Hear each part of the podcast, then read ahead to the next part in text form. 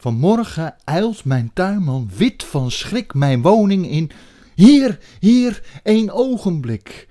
Ginds in de rooshof snoeide ik lood naar lood. Toen keek ik achter mij, daar stond de dood. Snel haastte ik mij naar de andere kant, maar zag nog net de dreiging van zijn hand. Heer, uw paard en laat mij spoorslag gaan.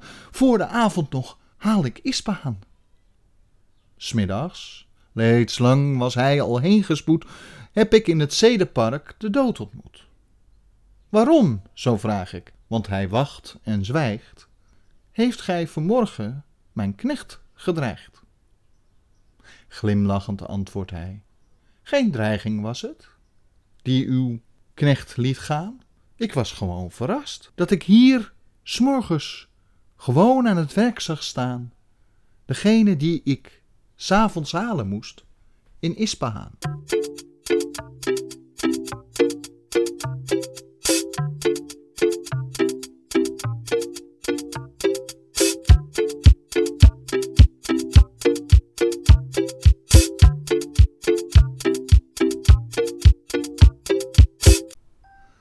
Een hele goede morgen en welkom bij deze nieuwe aflevering van de podcast De Ochtendwandeling.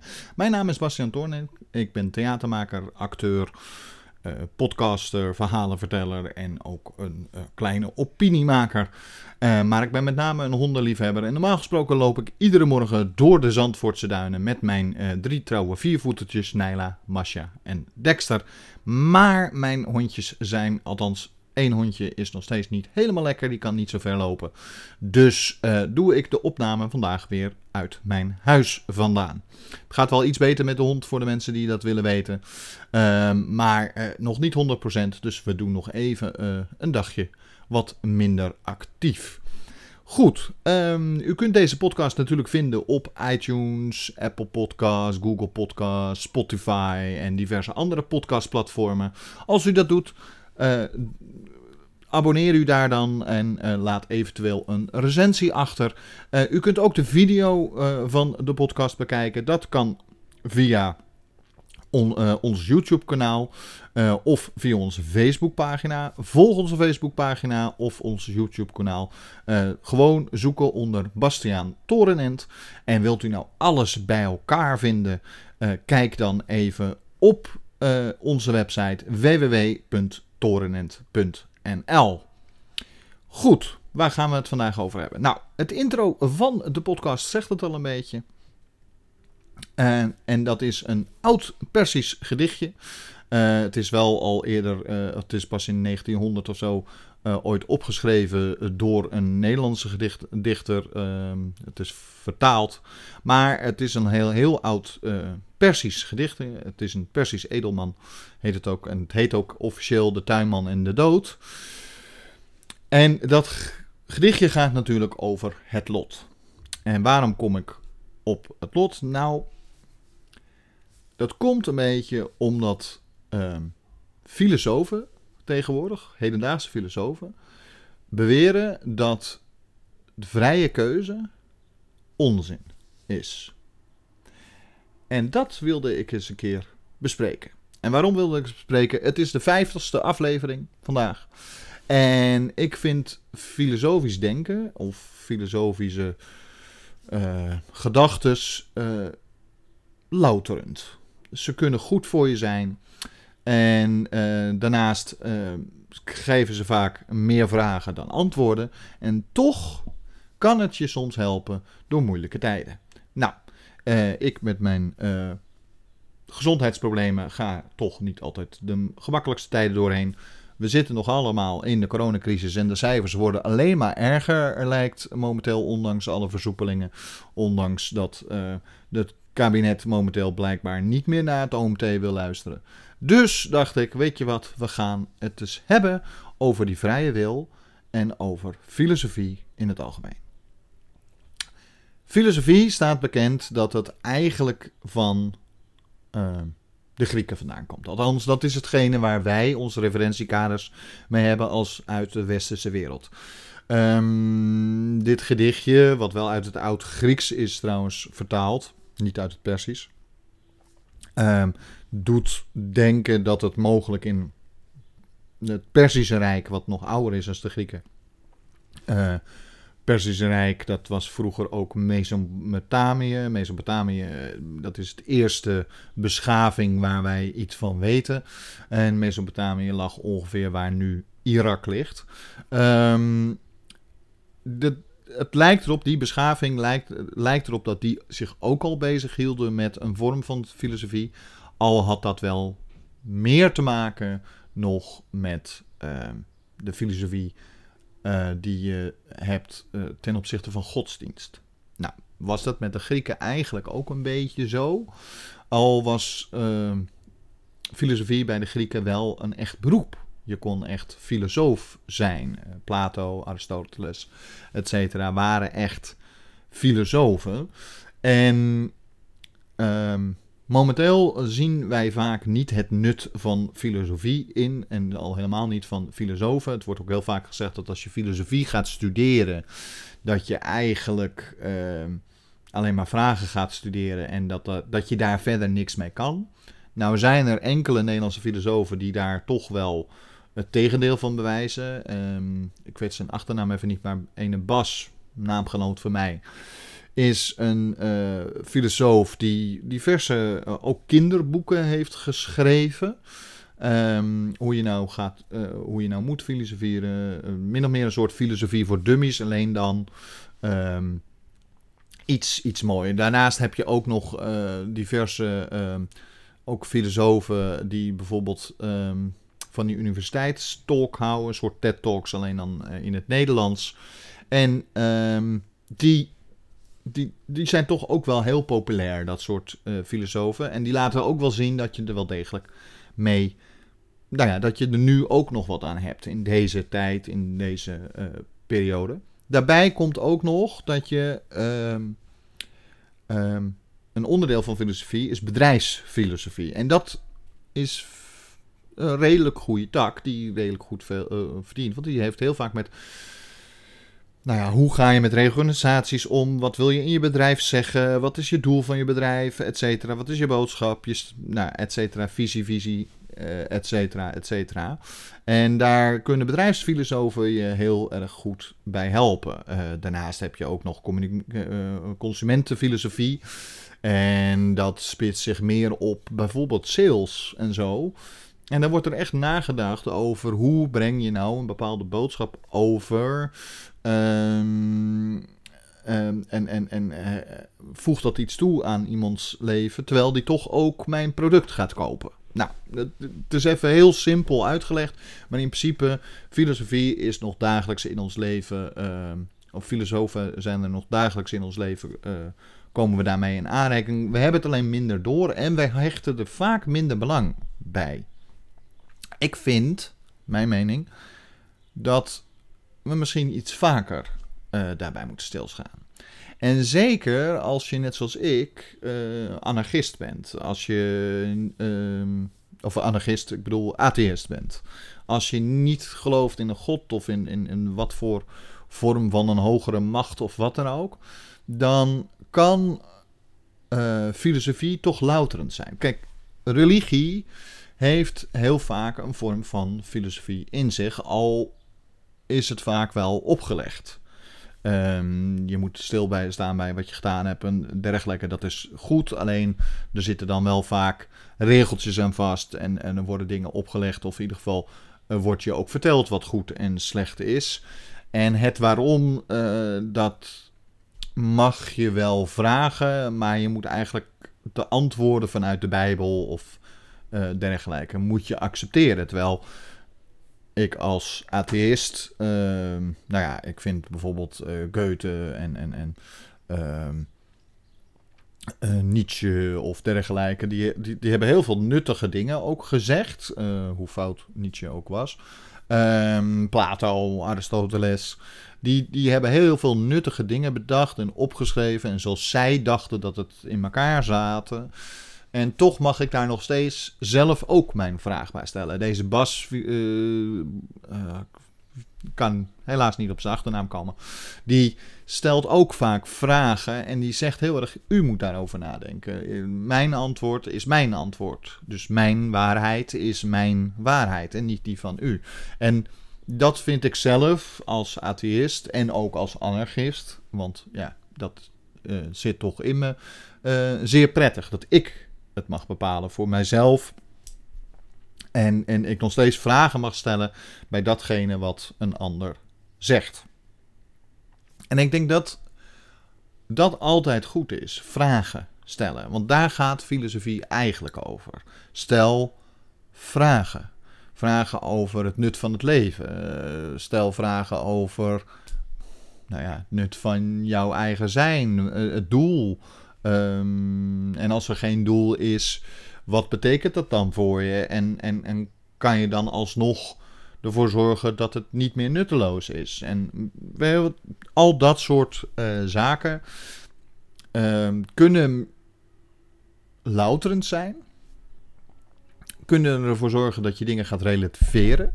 Want heel eerlijk, uh, ik denk dat dat zeker in deze maatschappij te weinig gebeurt. Te veel mensen blijven uitgaan van hun eigen gelijk. En kijken niet meer naar. Uh, relativeren niet meer. Relativeren niet hun eigen uh, mening, maar ook niet hun eigen uh, aandeel ergens in. Um, zien niet iets meer als hun waarheid, maar als de waarheid. En in mijn ogen bestaat de waarheid niet. Nou, um, waarom ik het begin heb gedaan, dat was het lot. Uh, de tuinman probeert zijn lot te ontlopen uh, door heel snel naar Ispahan te vluchten. Dat uh, zegt het gerichtje. En vervolgens blijkt dat de dood heel verrast was om die tuinman daar te zien, want die moest hij s'avonds halen in Ispahan. Nou, dat is, dat is dat gedichtje zegt eigenlijk, je kan je lot niet ontlopen. En dat heeft een beetje te maken met wat, wat ik nu zeg, want de huidige filosofen, zoals ik in het begin zei, zeggen dat er niet zoiets is als vrije keuze en vrije wil. Maar dat krijgt u straks te horen. Hallo, mijn naam is Bastiaan Toornent en dit is Uit de Schulden, de weg van de meeste weerstand. In deze verhalende podcast vertel ik over hoe ik uit de problematische schulden wist te komen, ondanks de vele vooroordelen, onbegrijpelijke bureaucratische processen en het misdadige overheidsbeleid waar ik tegenaan liep. De podcast en het achterliggende project moeten verandering bewerkstelligen in de vele problemen waar mensen in de schulden tegenaan lopen. U kunt zich abonneren op deze podcast via Spotify, iTunes, Google Podcast en vele andere podcastplatformen. Ik wens u alvast heel veel luisterplezier. Wilt u nou meer informatie over uit de schulden, het, de podcast of het project wat erachter zit, waarmee we dus mensen met problematische schulden proberen te helpen, zowel psychisch als de juiste instanties aan te geven, als misschien zelfs uh, heel hard voor ze opkomen als er dingen gewoon fout gaan. Um, wilt u daar uh, nou aan bijdragen door of vrijwilliger te worden of bijvoorbeeld de show te steunen en vriend te worden van de show met een eenmalige donatie? Kijk dan even op onze website www.torenent.nl. Goed, gaan wij terug naar het onderwerp, het lot. Huidige filosofen zijn er eigenlijk, nou ja, het grotendeel is van mening dat we geen vrije wil hebben. Um, dat er eigenlijk een vorm van een lot is. Ze zeggen het niet zoals de Grieken zeiden, want de Grieken zeiden gewoon heel simpel: uh, je kan je lot niet ontkomen. De dingen staan van tevoren vast. En um, ook al is jouw lot je voorspeld, dan kan je alles doen. Dan kan je bijvoorbeeld zoals de tuinman wegvluchten voor de dood. Maar uiteindelijk zal de dood je dan toch daar moeten ophalen. Um, het mooiste voorbeeld daarvan is bijvoorbeeld Oedipus, die van tevoren te horen krijgt um, dat hij voor de dood van uh, zijn vader zal doden en met zijn moeder zal trouwen. En um, de, de, de ouders van Oedipus die doen er al alles aan om te zorgen dat dat niet kan gebeuren, want ze sturen hem weg. Hij wordt opgegroeid door een herder. Nou, uiteindelijk komt hij dus deze, uh, komt hij onderweg ooit als volwassen man, jonge volwassen man, komt hij zijn vader tegen. Die vader is uh, grof tegen hem. Uh, en hij doodt op dat moment in een gevecht zijn eigen vader. Maar hij weet niet dat dat het zijn eigen vader is. En uh, hij komt dan bij de stad aan. hij heeft natuurlijk die vader gedood en heeft dan het recht om de vrouw van die man te trouwen. Nou, dat is dus eigenlijk zijn eigen moeder. Nou, later komt hij er dan achter dat hij inderdaad wel gewoon, zoals ooit voorspeld was, zijn vader, en zijn, uh, vader heeft gedood en zijn moeder heeft getrouwd. Dus dan steekt hij zijn beide ogen uit als boetedoening.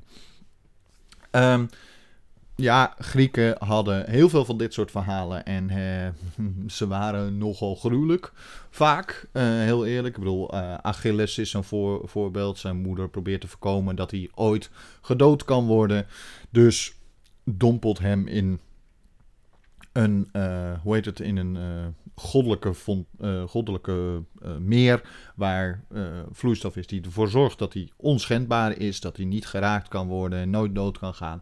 Maar hij, zij houdt hem vast aan zijn voetjes en dan bij de, wat we nu de Achillespees noemen, daar houdt hij aan vast. Dus net die plekken is hij niet beschermd.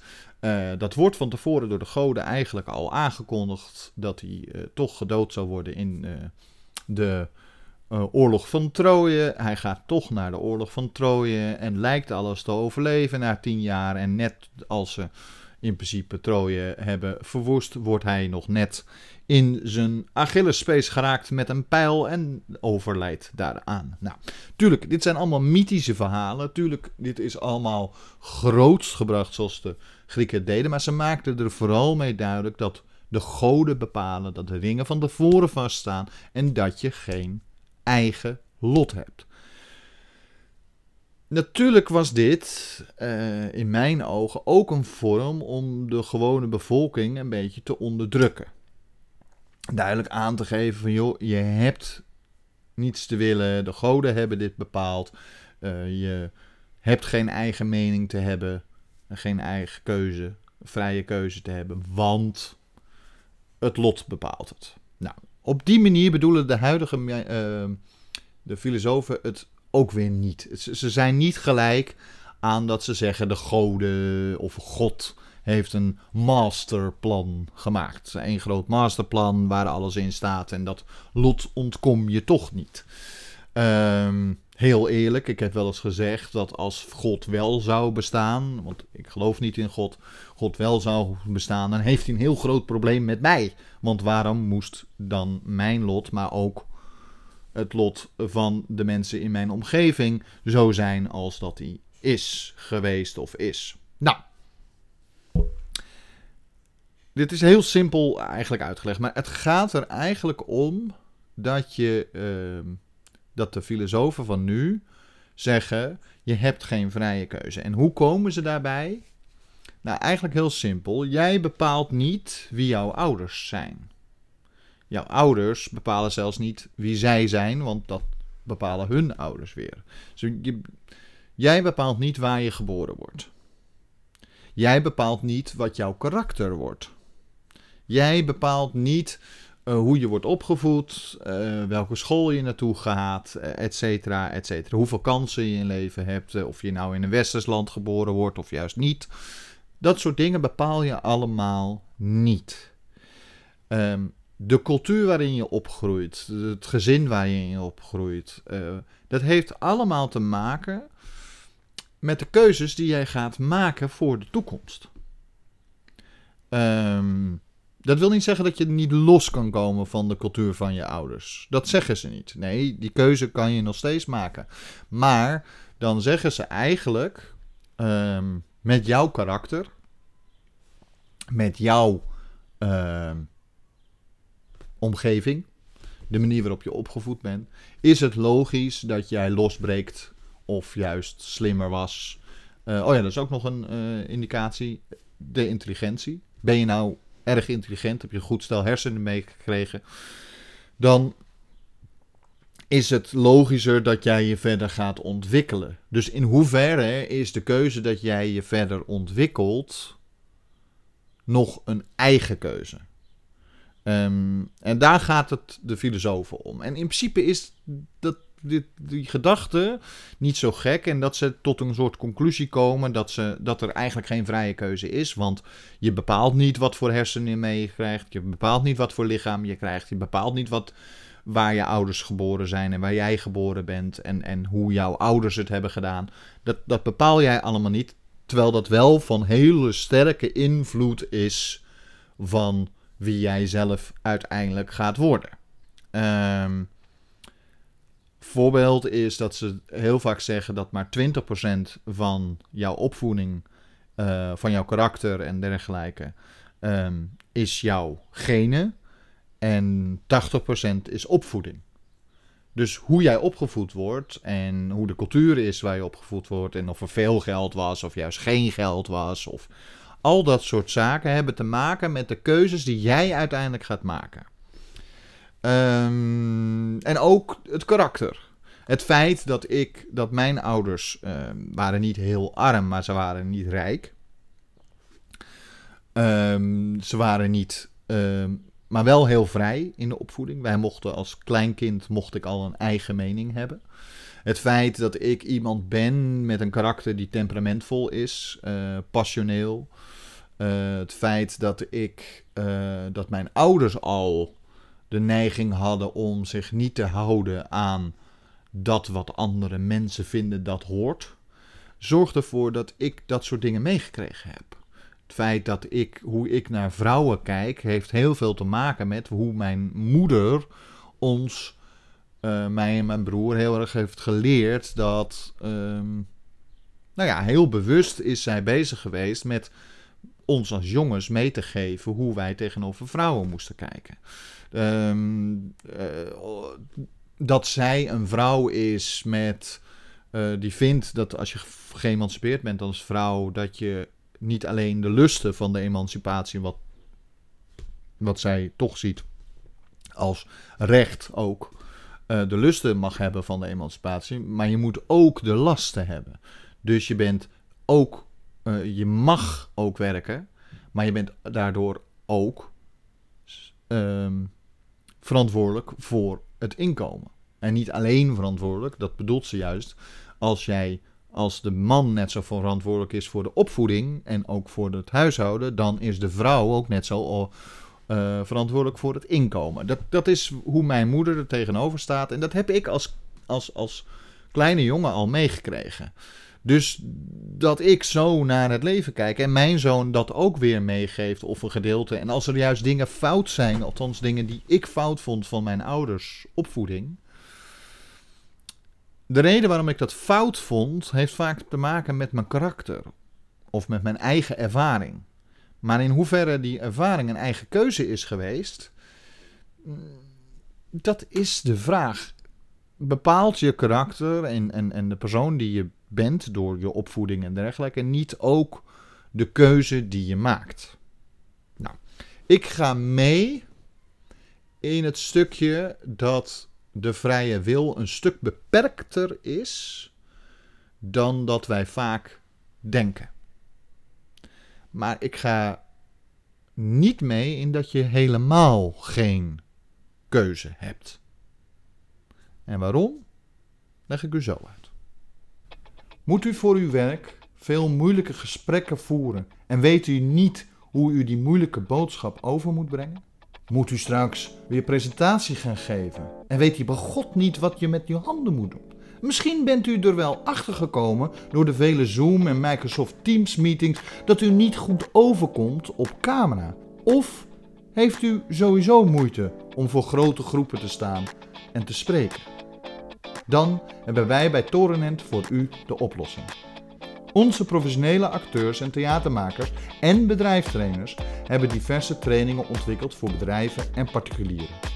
Wij kunnen u helpen op het gebied van presentaties, spreken voor groepen, slecht nieuwsgesprekken, camera-interviews en nog vele workshops en cursussen op het gebied van theater en podcasting. U hoeft nooit meer te twijfelen wat u nou met die handen moet doen. En u hoeft ook nooit meer verkeerd over te komen op camera of in een gesprek. Kijk dus voor meer informatie op www.torenent.nl of neem direct contact op via trainingen.torenent.nl.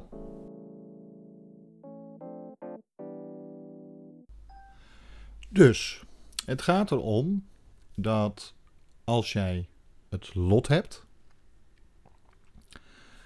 dan heb je helemaal niks te zeggen. Dan is het dingen van tevoren vastgelegd in een soort blauwdruk. En of dat nou door God is of door een hogere macht. En ik vind dat de filosofen van nu bijna te veel teruggaan daar naartoe. Alleen zeggen ze dat het niet vast is gelegd door een hogere macht of door God, maar door de omstandigheden.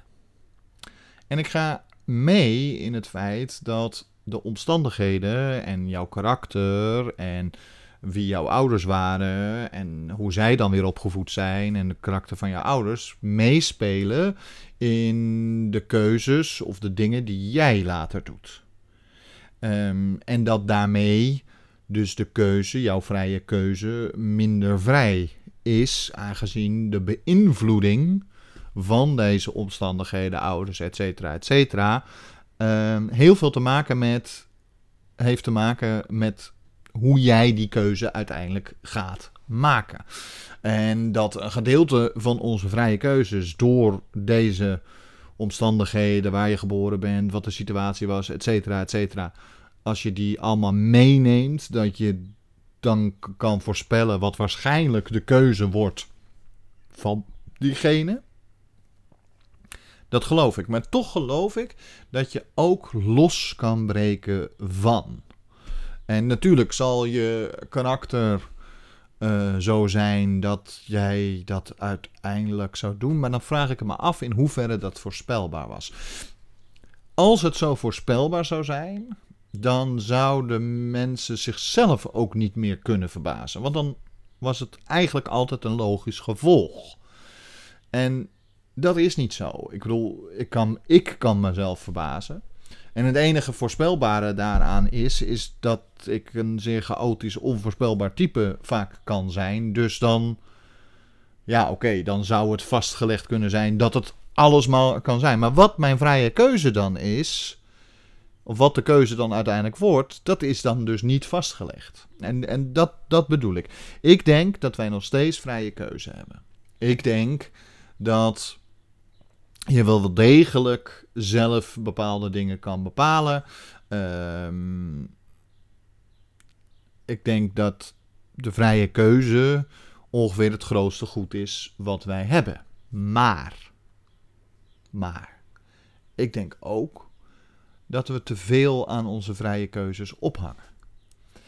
Ehm, dat we ons vaak niet beseffen hoe sterk wij beïnvloed worden door opvoeding, uh, situatie van huis uit, uh, ons karakter, uh, de karakter van onze ouders, maar ook de politieke situatie in je land, et cetera, et cetera.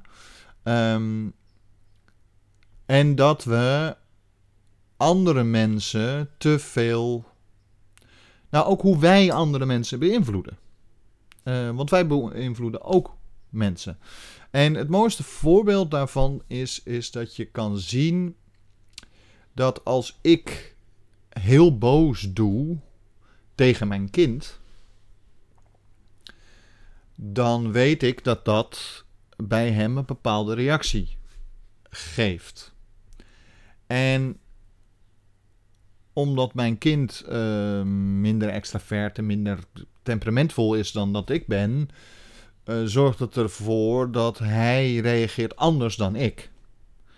Um, en ik weet dat hij anders reageert dan ik. Dus als ik toch heel boos op hem ben of doe, dan weet ik ook ongeveer hoe wat voor reactie ik kan verwachten. Dus ik weet hoeveel invloed ik heb uh, op hoe ik dingen bij hem breng, bij hem vertel, etc. Maar het feit dat mijn kind um, bang is dat de hond weg zal lopen en niet meer terug zal komen. uh, daar kan ik niks aan doen. Dat is geen vrije keuze geweest. Dat is niet, ik probeer hem er juist tegen te beschermen. Dat is iets wat gebeurd is. Um, en ergens maakt zijn karakter en hij zelf de keuze om daar nu nog steeds bang voor te zijn. Terwijl waar het vandaan komt. Ik heb ooit een vogel gehad, een papegaai, die is weggevlogen. En niet meer teruggekomen. Uh, daar was mijn zoontje toen bij, en die was toen veel jonger. Dat hij nu, meer dan vijf jaar, zes jaar later, daar nog steeds last van heeft. Slash lichte trauma aan over heeft gehouden. En ook bijna lijkt voor te kiezen om daar zich aan vast te houden. Aan die manier van reageren. Ondanks dat hij daar meerdere hulpmiddelen bij gehad heeft, et cetera, et cetera. Um, dat is toch ergens ook zijn keuze. Um,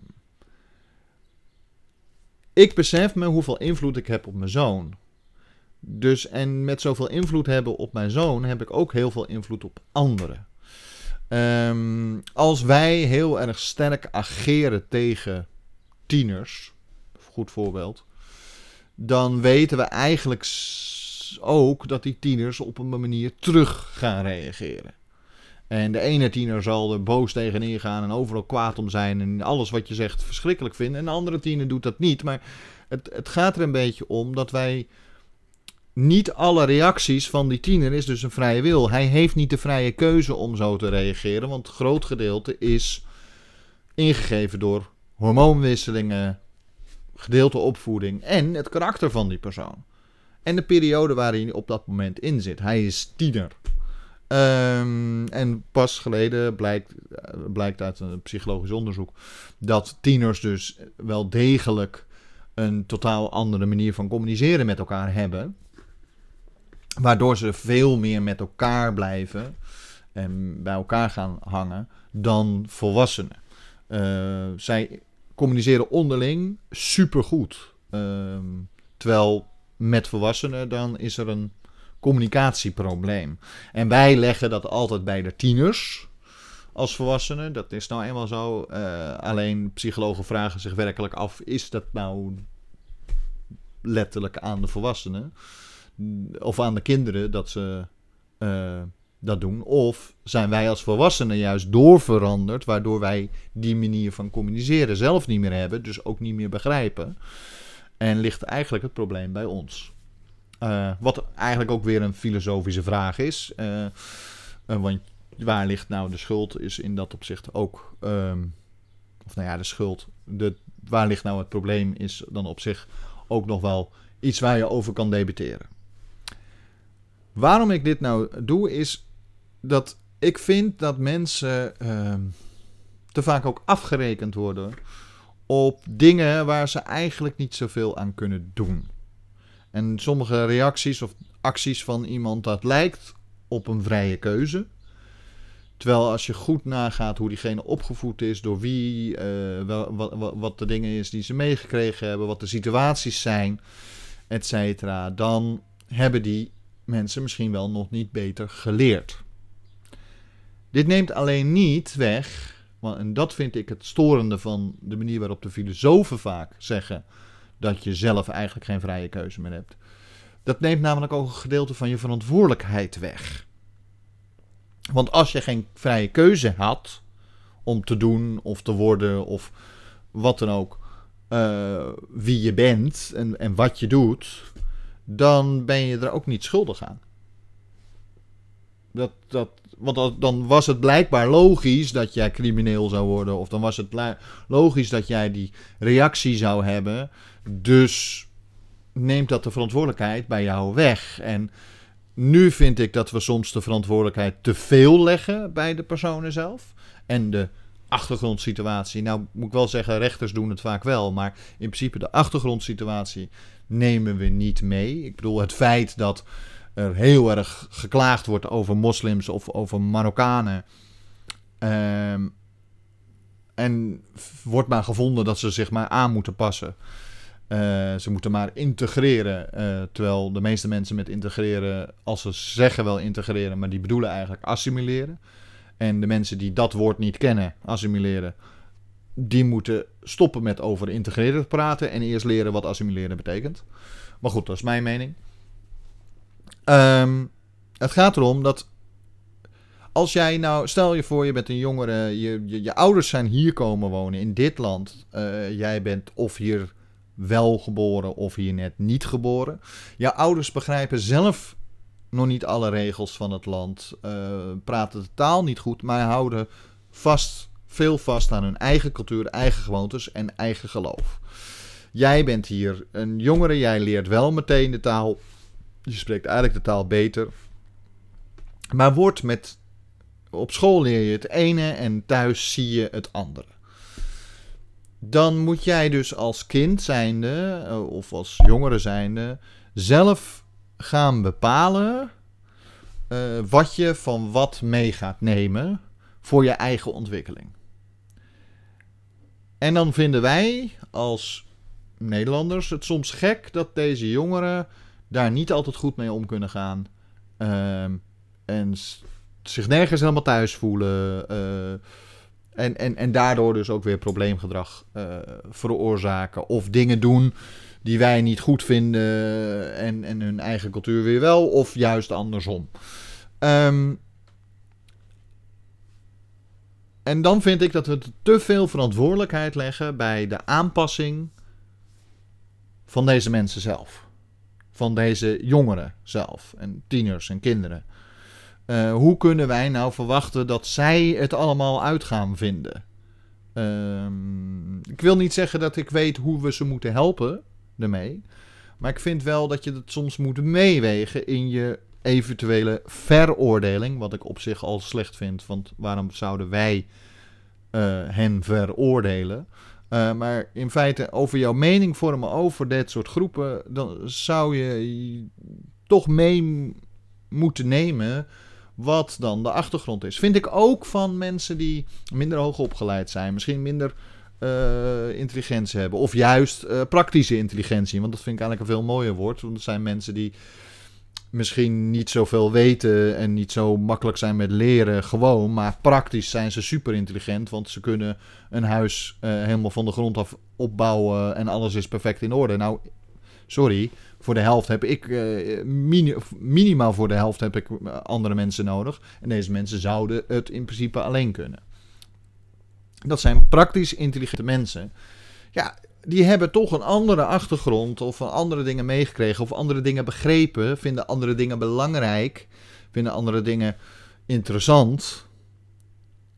Ja, dan kan ik ze wel veroordelen over het feit dat ze momenteel misschien de politieke situatie niet snappen. Um, maar dat vind ik dan ook weer niet eerlijk.